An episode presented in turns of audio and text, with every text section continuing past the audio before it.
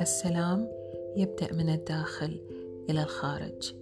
نحن نصل إلى السلام الداخلي عندما نقرر ذلك. هيا بنا نبدأ في حلقة التأمل للوصول إليها وأهلا بكم معنا. مع عدلة الغيلاني مدربة في التدريب النشط معالجة بالطاقة ومعالجة بالتنويم المغناطيسي.